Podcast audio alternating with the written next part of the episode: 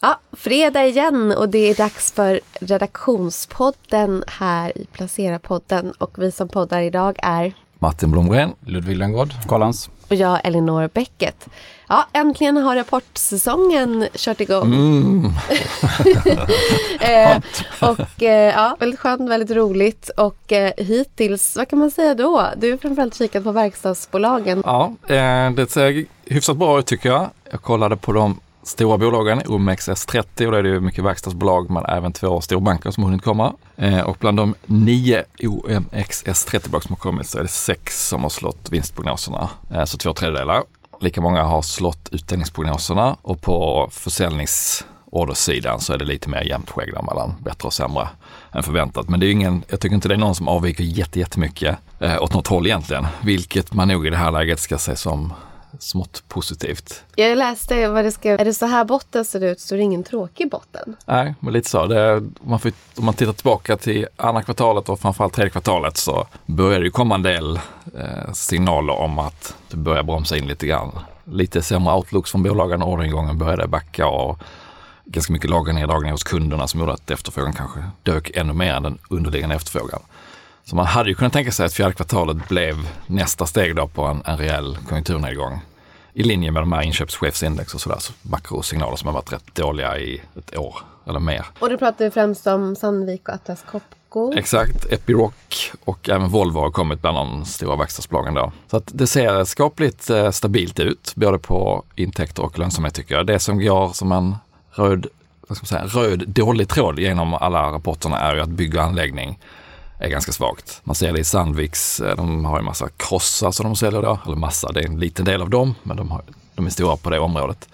Eh, där är lite svagare. Atlas har eh, energiteknik där de har mycket bygg och anläggning som också var lite svagare. Och på, för Epiroc då som säljer mycket gruvmaskiner men också har tillbehör till bygg och anläggning. Så hydrauliska, hydrauliska tillbehör helt enkelt som sitter längst fram på en grävmaskin. Den är också rätt svag. Så att bygg och anlägg svag, annars ganska stabilt eh, och det får man väl se som ett eh, betryggande i det här läget. Ingen fara på taket. Nej, om, som sagt om det här är botten och 2024 blir en mjuklandning som konsensusuppfattningen är nu bland många och sen så tar det fart igen 2025. Då är det ganska trevlig konjunkturnedgång att, att påbörja en uppgång ifrån. Men ändå ganska ljumna reaktioner på börsen Ja. ändå. Men då är det ju rätt högt ingångsläge. Exakt, man får komma ihåg att vi har eh, gått ganska bra här på börsen sen i höstas. Så att många av de här bolagen är ju på eller nära all time high. Vi har även Telia som kom in idag som väntat. Man, med oförändrad utdelning som faktiskt går ner 7% ändå. Ja, Det kan hända att man har missat något där. Men eh, annars så är ju dagens snackis hos oss i alla fall SCA får man väl säga. Som också har kommit med en rapport. En väldigt bra rapport. ja Men det är inte det vi har pratat om. jag har pratat om Viceroy. Va, ja. Det kommer en till också, en till blankare. Det var två stycken. Precis, samtidigt. av en, eh, någon firma som jag inte känner till. Nej, Nej, det lät japanskt, men jag tror inte det är japanskt. Ninge eller Ja, just det. Nigni eller sånt där heter det. Som kom samtidigt då ja. och intressant är ju tajmingen på det här, att de kommer dagen innan bolaget släpper rapport. Man kan inte kommentera det överhuvudtaget då. Nej, bolaget är i tyst period och eh, hinner väl inte gå igenom den här rapporten heller för att Nej. de sitter fullt upp med bokslutet. Så att, eh, det, ja, det är lite slug timing får man väl säga idag om man vill sätta stort avtryck på börsen. Och aktien, SE-aktien är nästan tillbaka igen eh, där den föll då igår. Mm. Så att um, Ett hack i kurvan. en litet hack, ja precis. Och vi ska ju säga, ingen av oss har ju läst den här rapporten så att vi kan väl inte säga någonting om den. Men eh, det är ändå en, en eh, ny typ av bolag på något vis. Mm. Och, och det handlar ju mycket om att skogen är övervärderad. Vilket det också finns en viss rabatt i aktien redan som det är. Ja, Precis. Ja, de tar ju fasta på, på något som är svårbedömt att värdera skog. är inte vad Det gemene man pysslar med till vardags. Ja, det är svårt och det kan finnas olika, ja det är en bedömningssport helt enkelt. Och då är det kanske lätt att så ett osäkerhetsfrö eh, genom att ifrågasätta det. Men som du är inne på Elinor, det är ju en annan typ av bolag om man tittar på jämfört med vad är det, Truecaller, Hexatronic, SBB, SBB. som har varit på tidigare. Där det kanske Wirecard. Wirecard, ja. där det är ännu svårare att bedöma trovärdigheten i det.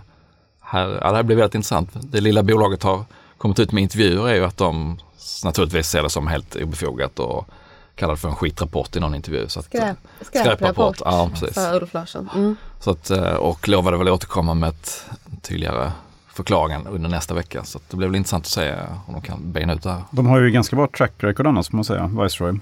Eh, Så att det, det gör ju det intressant eh, i sig faktiskt att följa det här. Exakt, det, det gör det väldigt intressant. Och intressant också tycker jag att de har ju, vad man har kunnat utläsa, inte bara gått på en attack och sen försvunnit igen, utan de har ju faktiskt hållit i sina case. Om man tittar, på SBB, att, att de eh, ja, man har varit negativa länge och liksom följt hela vägen ner. Vi får se. SBB, blev- SBB blev faktiskt ännu sämre än vad de trodde från början. liksom. Mm. Eh, De hade ju en riktkurs på 15 kronor vill jag minnas. Eh, Men eh, SBB var ju en, ännu mer lyckat än vad de själva trodde faktiskt. När den aktien handlas kanske i 50-60 någonting. Ja, Annars fick vi lite överraskande bra siffror från lyxsektorn som vi ju så ofta pratar om i den här podden. Ja, LVMH släppte ju rapport igår och det växte ju försäljningen 10% och vinsten 8% så det var ju mer motståndskraftigt än vad man trodde då. Eh, Och, Och än vad jag trodde. stiger rejält. Ja, 8% det är ju ganska Okej. mycket får man säga för ett sånt här stort bolag. Mm. Eh, störst i Europa eller? Eller bland ja, de största? bland de största, största. i Mm. Europa. Och det är liksom de bästa segmenten som tuggar på. Men det är väl framförallt det här spritsegmentet då som går lite segt fortfarande. Eh, Dricker för lite? Ja, man krökar för lite liksom. Okej. Men det kanske kommer tillbaka. Ja, det är inte vårt fel. Nej, kan inte vårt fel. Nej, så det är stabilt där och det drar ju med sig hela lyxsektorn liksom. Det går upp i, alltså Brunello, Cucinelli, Ja. Hermes och alla de här går ju upp idag. Så det är väl kul för de som har, som är i lyxaktier. Ja. Exakt. ja, men ni är fler som sitter på det eller? Ja, Elinor har du också. Du köpte väl en vecka? Ja, Ja. ja. Ja, det är två stycken som får glädjas idag då. Jag, hade Tajma, tänkt, jag, tänkte, som en blanka. mycket Alltså. jag Nej. tänkte jag skulle köpa idag faktiskt. Men Ja, eh, jag det tänkte också så. att jag skulle fylla på idag men det kommer inte hända. Nej. Vi hade lite intressant, vi hade en rapport från Platser idag också, Göteborgs eh, fastighetsbolaget. Eh, och de, de toppar med att de ska sänka utdelningen. Och, men de ökar förvaltningsresultatet väldigt bra och hyresintäkterna ökar väldigt starkt. Eh, och eh, jag tänkte på det här att nu bör, bör det komma så här lite negativa nyheter men som ändå får aktiekurserna att stiga tänker jag Ja. i fastighetssektorn. Och det brukar vara ett sånt tecken när man bottentäcke. ser, ja. precis, man ser Mm. vändningar. Mm. Så det var lite intressant notering tyckte jag. Ja, förlust i, men det- fastigheter är lite annorlunda nu då med den krisen de har gått igenom. Men annars är ju utdelningarna som sagt då, varit lite i överkant. SEB fick bra betalt för att de kom med en bra eh, utdelning och Volvo med 37 miljarder kronor. i Volvo. Ja, 18 kronor per aktie, den del är extrautdelning. Och eh, jag kollar faktiskt tillbaka här nu vad kursen stod i under pandemin. Den bottnade, Volvo-kursen. 95 spänn var den liksom innan den bottnade upp i mars 2020. Och om man summerar utdelningarna sedan dess, inklusive de här 18 kronorna som kommer nu i vår, så har de delat ut då i cash-utdelningar nästan 70 kronor. Oj. Så att eh, den som vågade Och de är bottenfiska där, fortfarande, har ju fortfarande en jättekassa på typ Precis. 50 miljarder. så alla räknar ju med att de kommer fortsätta ha extrautdelningar i överskådlig tid. Så att den som vågade bottenfiska Volvo i pandemibotten har ju fått tillbaka nästan hela insatsen i cash nu då. Gjorde du det? Eh, pff, det minns jag faktiskt inte. Nej, det är inte så att jag köpte då och sen har suttit kvar hela tiden. Eh, jag har det nu, men jag tror jag köpte lite senare. Ja, jag var nog lite in och ut och flaxade där. Men eh, ja, jag ska inte ta åt mig någon ära av att ha gjort det. Alltså, men eh, en lite intressant spaning.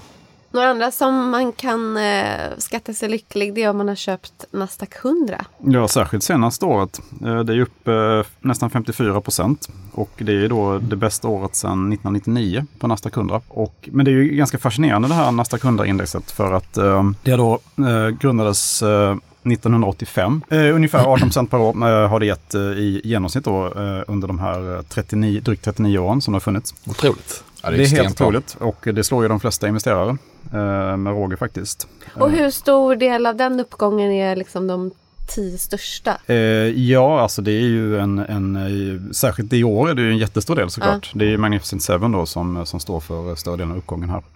Men eh, över tid så ändras ju det. Det är ju de, eh, det är de marknadsmässigt största bolagen då som inte är icke-finansbolag är det ju från, på Nasdaq 100. Så att eh, man grundade då det här indexet för att mäta hur det ser ut i verkliga tekniksektorn då inom Nasdaq eh, och få bort banker och finansinstitut. Eh, Alltså det är inte, det är inte nödvändigtvis de 100 största utan det är också att man exkluderar en viss sektor. Man exkluderar finanser. Eh, Men, och, och från början var, var tanken att bara ha teknik då. ju. Men sen har man då lagt till uh, ytterligare lite sektorer som, som alltså biotechbolag då och medicinteknik och så. Så att, eh, Jag såg att Starbucks var med också. precis. Eh, att in, det är väl att, helt enkelt att allt som inte är, är finans då helt enkelt, eh, får ju vara med liksom. Ehm, Så att, eh, nej men det har varit en väldigt framgångsrik strategi att helt enkelt bara köpa ett, eh, det här tech-indexet då. Och ehm, det får man säga i, så här i, som backtrading så är det ju det är svårt att säga om det kommer gå lika bra framöver här. Vi har ju haft en sån extrem stark Mm. rusning nu då. Eh, samtidigt hade vi då, sammantaget har det varit sju minusår då på Nasdaq 100 sedan eh, 1986. Eh, och vi hade ju då ett kraftigt minusår 2022 när det gick ner, index ner drygt 30 procent. Så att det här är egentligen återhämtningen från eh, Mm. den botten kan man säga. Eh, så att man får förmoda då att utvecklingen framåt inte kommer att vara lika explosiv i den här. Det är väl Tesla som hackar, annars har de andra tuggat på rätt bra här. Absolut, Nvidia är ju upp över 20 procent i år till Ja. exempel. Så att, eh, Tesla gick ner Man- 12 procent på, Mm, på- på rapporten. men det är. Net- Netflix, som bara får flika in, kom ju med rapport i veckan också. Vi pratade om dem ganska mycket förra veckan så vi behöver inte gå igenom caset. Men de fick ju massa nya användare och eh, kursen rusade 10% på den rapporten. Mm. Men det sköna med det här indexet marknaden kan ju då liksom koppla bort de här uh, det dagsaktuella så att säga. Utan man, Ja. bara, man, man bara fyller på och så justerar det sig själv så att säga. Men så har det bästa året sedan 99. Det bästa året 99 Mm. och 99 steg det 100 procent. Oj, okej. Eh, så att, ehm, mm. Och vad hände sen, säger man då. Om man Kan det bli samma igen? Ja. Sen, sen hade du, efter 99 hade du tre stycken minusår på raken och det har aldrig Alltså det har aldrig skett att det har varit två minusår efter det så att säga. Nej. Varken före eller efter. Eh, så att det är väldigt sällsynt med minusår får man ju säga. Men det man kan dra slutsatsen då, om man skulle dra någon slutsats av det här, det är ju att så fort Nasdaq 100 har gått dåligt så är det kanske det bästa indexet man kan bottenfiska i. Så att om du har en Mm. väldigt dålig börs ett år, så köp Nasdaq 100 helt enkelt. Och det gör man lättast genom att köpa en ETF eller? Ja, precis. Eh, då finns det ett antal, eh, eh, ja, ett antal olika ETF man kan köpa eh, som, som kostar mellan då 0,20 och 0, eh, 0,3 procent i årliga avgifter. Och vissa delar ut och vissa delar inte ut och sådär. Men de är väldigt, de är likvärdiga kan man säga. Ja. Och köper man en USA-fond så får man ganska mycket av det här. Får Eftersom de man är ju så också. stora i börsvärde också. Absolut, det får man Till och också. med en global fond Ja. skulle jag Ja. gissa att Mm. det blir ganska likt. det. Exakt. Och du har kikat på en isoleringsdoldis också från USA, Ludvig. Ja, jag har kikat på det här ja, relativt lilla bolaget, eller ganska stort i svenska mått. Det har ett börsvärde på 5 miljarder dollar, alltså 50 miljarder svenska kronor ungefär. Så, nej men det är en, eh, säga, en liten compounder i eh, USA som håller på med isoleringsbolag främst då. Med installationstjänster, så tänk typ Instalco då fast isolering. Och det är ju då isolering av väggar. Så man ska hålla, ja, eh, minska energiförbrukningen i fastigheter och så. Så isolering är viktigt och många äldre hus har ju inte den här isoleringen riktigt. Eh, så de här köper upp bolag inom, välskötta bolag inom de här sektorerna då. Isolering och så har man även expanderat till att ja, installation av duschdörrar och hyllor och speglar och fönster. Och man kommer fortsätta gå in på olika marknader här då. Så man är liksom i, inte i början av resan men man har ändå fortsatt ganska stor marknad att ta här. Så det är ett Eh, tjänstebolag snarare än ett produktbolag? Ja, då? exakt. Ja. Så det är nästan inga produkter. Sen ska man nog tillägga också att det är lite produkter och distributörer för de har köpt det på senare år då för att kunna utvinna synergier, säger de då. Men då är frågan så här då att de är väldigt beroende av nybyggnationsmarknaden.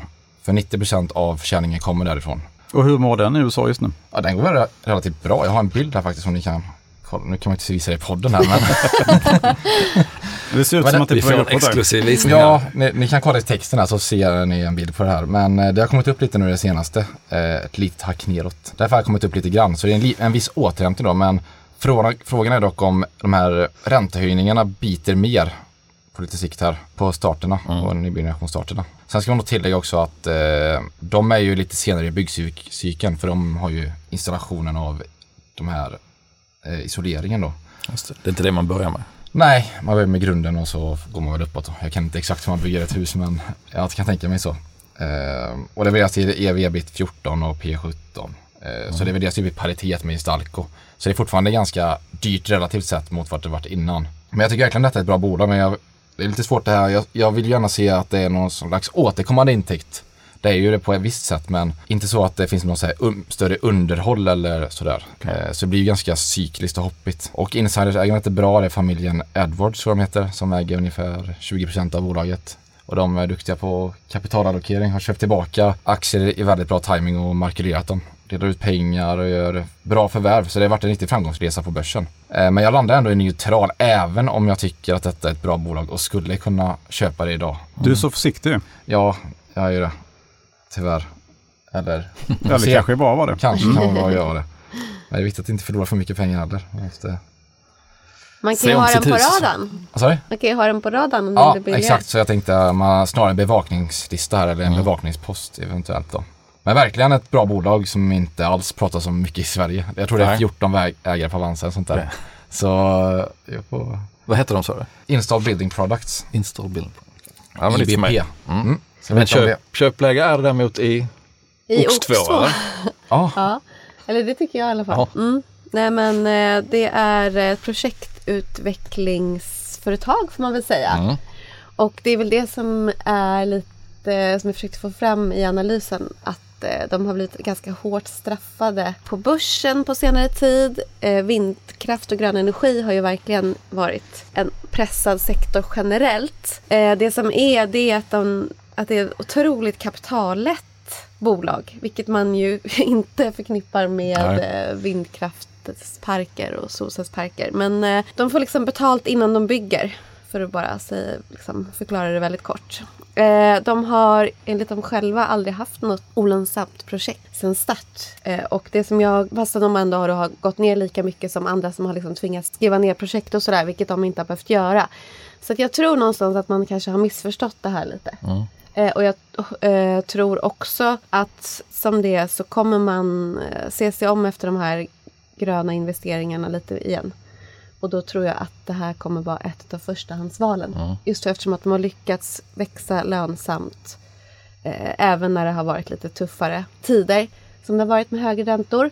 Och de är också, eh, skulle jag säga, aktiekursen korrelerar med eh, spotpriset på el. Ja. Vilket det, det bör inte göra utan det är mer det långsiktiga elpriset. Som man såklart kan tycka är en eh, osäkerhetsfaktor.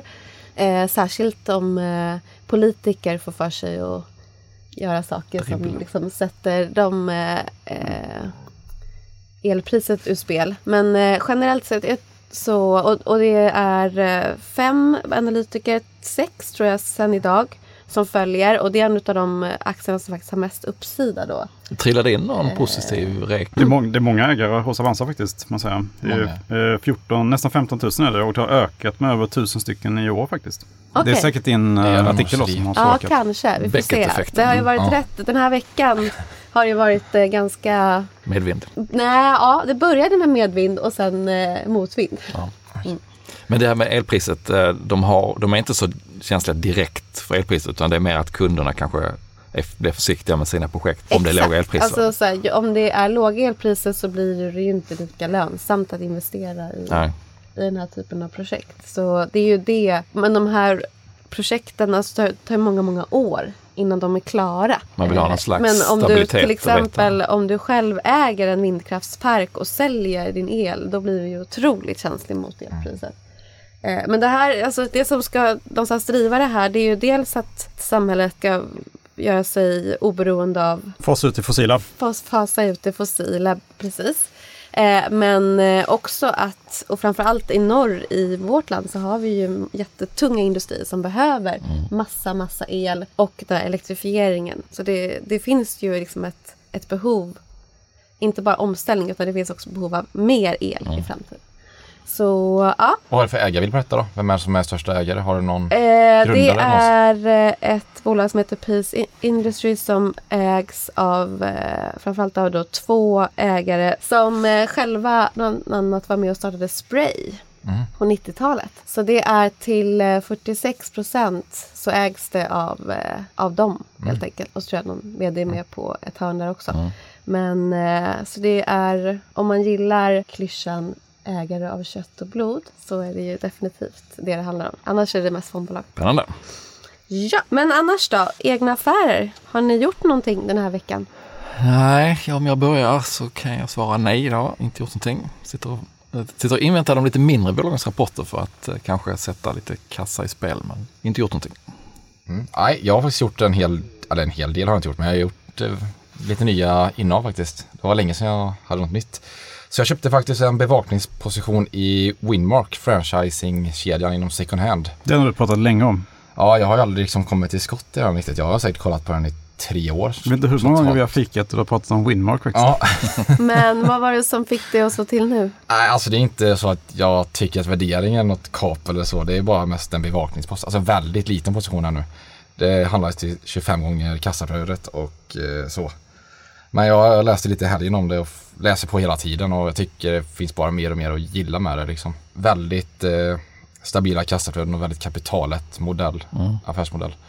Eh, men det är inget som någon säger aktie som kommer gå 100% på ett år. Det här är något som man får ha väldigt länge som får ligga och liksom compounda. Och jag gillar verkligen eh, vdn. Han är inte i rampljust alls. Och jag tror vi snackade om det här när vi snackade om det här med bra vdar och då tror jag lyfte upp Winmark. Mm. Eh, och jag tycker verkligen att det finns mycket som påminner om han här eh, Brett då, som han heter. Så det köpte jag inte bevakningsposition.